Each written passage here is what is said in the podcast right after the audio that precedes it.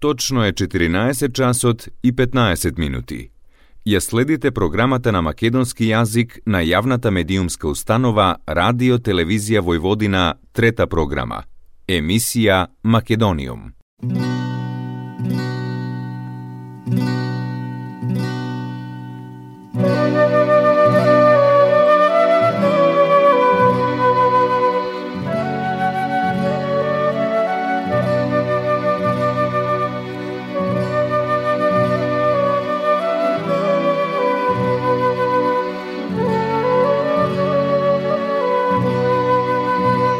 Македониум.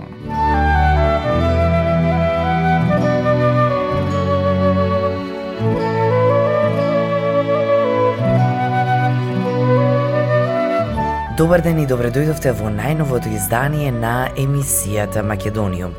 Со вас, почитувани слушатели, е вашиот уредник и водител Јулијана Милутиновиќ, како и секоја среда, така и денеска, на фреквенцијата на третата програма на радиото при Радио Телевизија Војводина.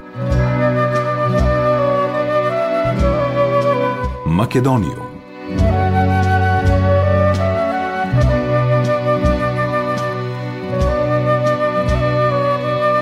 Повторно денес во емисијата Македониум на мое лично огромно задоволство имаме значајно гостување и разговор со уметник од Македонија.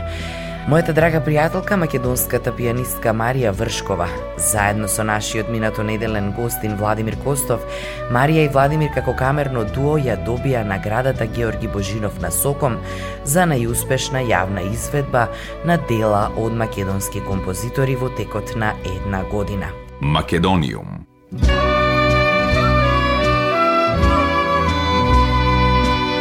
Марија, добре дојде во Македонија, Многу се радувам што си денес со нас, особено што македонски уметници како што си ти ни гостуваат често и во Србија и ја представуваат мојата земја пред српската публика. Честитки за последната награда од Соком која ја доби пред само една недела. Предходно си добивала многу награди за кои јас знам. Твоите настапи се познати не само низ Балканот, туку и на европско и светско тло. За почеток, кажи им на нашите слушатели колку ти значат наградите сами по себе. А, прво да ти заблагодарам на поканата, исто и благодарам за честитките околу најновите, најновата награда Георги Божиков. Колку ми значат наградите? Види вака, секоја награда која доаѓа од фелата, нескромно ќе речам, значи, значи многу. Ова не ми е прва награда, предходно имам добиено дури три награди виртуози, едната за музичар изведувач, другата за камерна музика, заедно со моите драги колеги Олег и Јана Контраденко, и третата награда со камерниот состав Контемпор. Последнава Ѓорги Божиков, мислам дека најмногу ме израдува затоа што како музичар секогаш сум се трудела да да опфатам и да презентирам нова музика од македонски млади композитори, композитори од постарата и по, нова, и по новата генерација нормално. И Посебно ми е драго зашто ја добивам во тандем со мојот најдобар пријател и музички сопатник Владимир Костов. Македониум. Повеќе пати си била представничка на Македонија во Светскиот младински оркестар. Како е да се биде дел од ваков оркестар и дали има некој посебен концерт на кој со гордост се сеќаваш како дел од овој оркестар? Светски оркестар за мене како во тоа време млад музичар беше, слободно можам да кажам, револуција. Да се биде на една сцена со уште 80 на млади музичари кои што беа примени во оркестарот како најдобри репрезенти од своите земји, значеше пред се огромна одговорност, а потоа следеше и цела возбуда што ја носи една тринеделна турнеја со повеќе од 10 концерти во различни градови. Сите концерти од тој период ми се особено драги, секако би ги издвоила концертите кои што се одржуваа во Берлинската филхармонија. Самата сала нормално си ја правеше својата возбуда, но ако веќе треба да издвојам еден, тоа секако би бил концертот каде што оркестарот правеше светска премиера на, на мојот најомилен нов композитор Арво Парт и се, се изведуваше неговото дело концертино Бах за труба, каверен гудачки оркестар, пијано и чембал. Македониум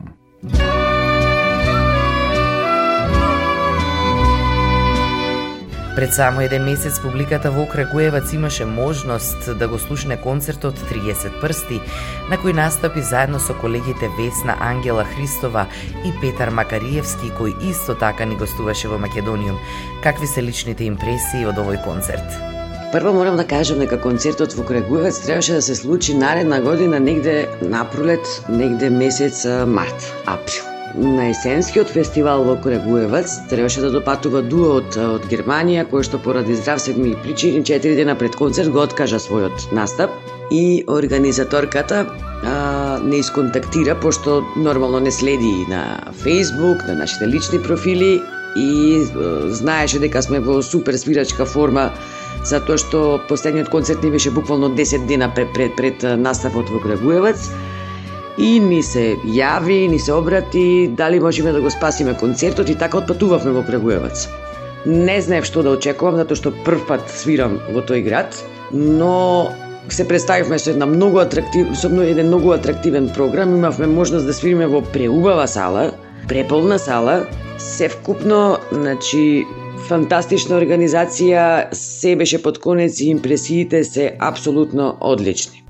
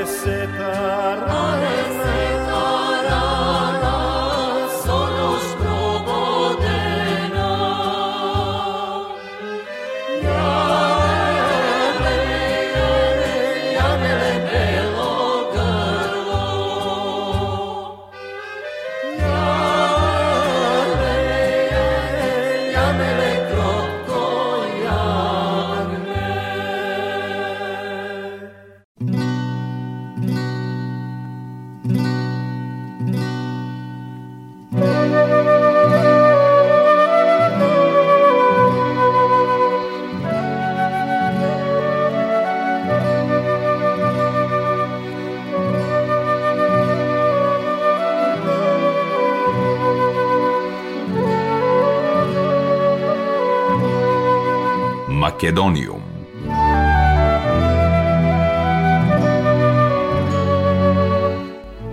Денес во Македониум зборувам со Марија Вршкова, пианистка со светско реноме.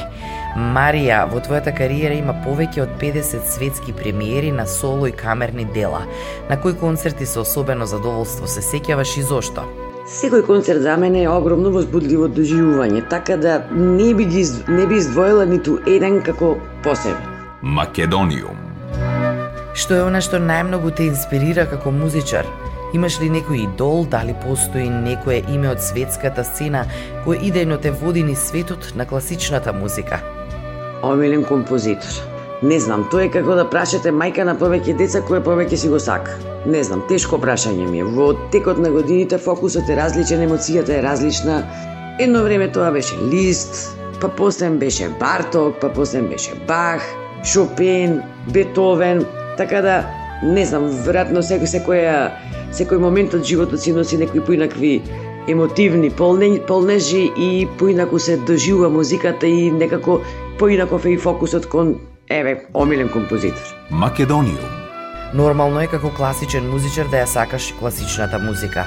Кој е твој омилен македонски музичар и зошто?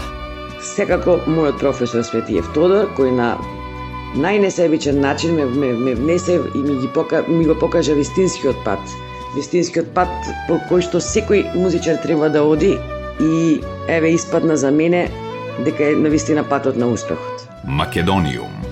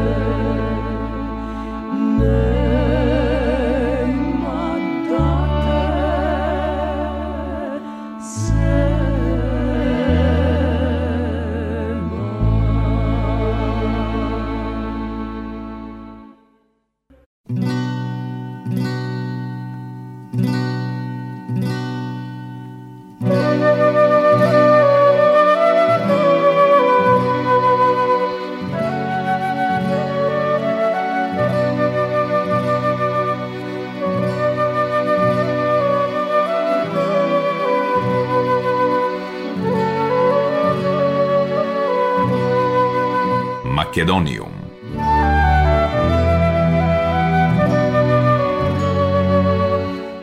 Во денешниот Македониум зборувам со Марија Вршкова и следното прашање сакам да го поставам често на моите гости. Покрај тоа што нормално ја слушаш класиката, верувам дека сакаш да уживаш и со поинаков избор на музика, за што јас сум запознаена. Кажи ни повеќе за која прилика и што сакаш да слушаш. Слушам секаков тип на музика си сакам и електронска, и рок, и поп.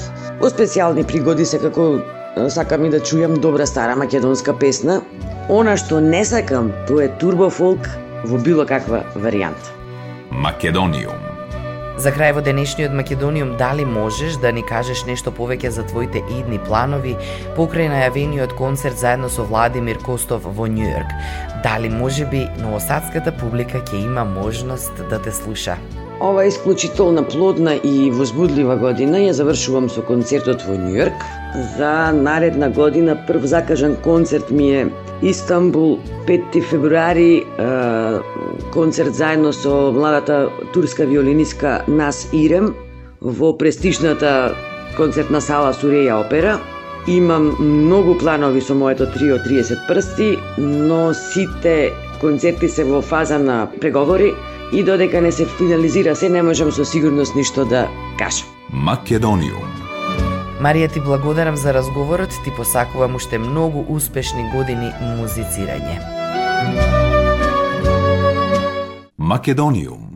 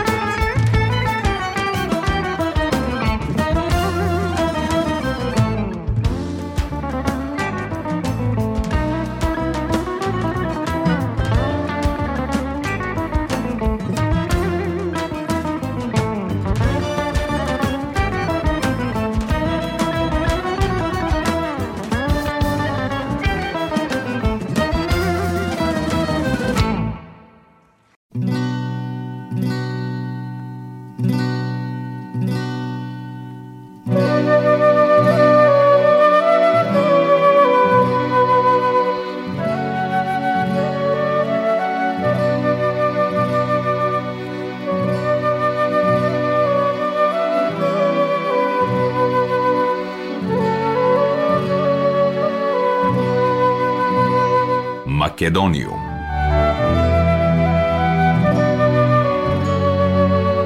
Почитувани слушатели, тоа беше се во денешното издание на емисијата Македониум, во кое ни гостуваше Марија Вршкова, пианистка од Македонија.